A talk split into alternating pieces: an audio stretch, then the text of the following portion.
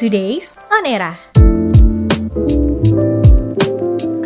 Eramania, selamat datang kembali di Today's On Era bersama gue Alma. Eramania, kira-kira ada apa nih yang baru di tanggal 15 Februari 2022? Kita langsung mulai ke berita pertama dari Mandalika. Seperti yang kita ketahui ya Eramania, Mandalika ini dinobatkan sebagai sirkuit terindah di dunia oleh MotoGP. Cuitan dari akun resmi MotoGP ini mendapatkan respon yang positif dari warganet. Tapi nih, nada yang berbeda justru datang dari para pembalap. Kok bisa gitu ya?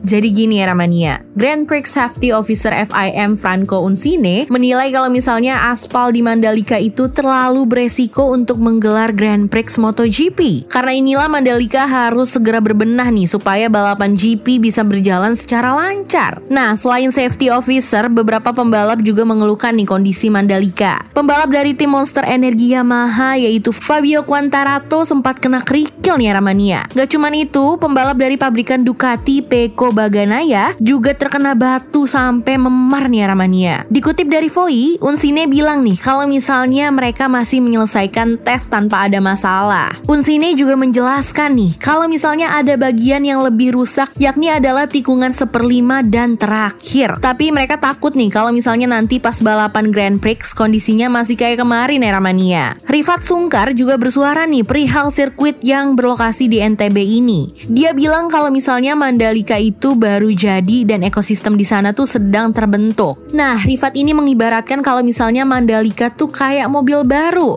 Jadi memang harus dicoba dulu sebelum dipakai balapan ya Ramania. Mark Hughes sebagai arsitek dibantu oleh Yarno Zevelini selaku teknisi akan melakukan supervisi dan bertanggung jawab nih dalam pekerjaan ini. Ya lagi pula masih ada waktu lah ya untuk Mandalika bebenah. Balapan di Mandalika ini kan akan berlangsung pada 18 sampai 20 Maret tepat setelah Qatar. Jadi FIM masih bisa bisa nih ya berkoordinasi dengan pihak Mandalika. Kalau misalnya Mandalika punya waktu banyak buat bebenah, sama halnya nih kayak Harry Wirawan yang punya waktu banyak di dalam jeruji besi. Karena si Harry ini baru aja difonis hukuman penjara seumur hidup era mania. Harry Wirawan difonis hukuman penjara seumur hidup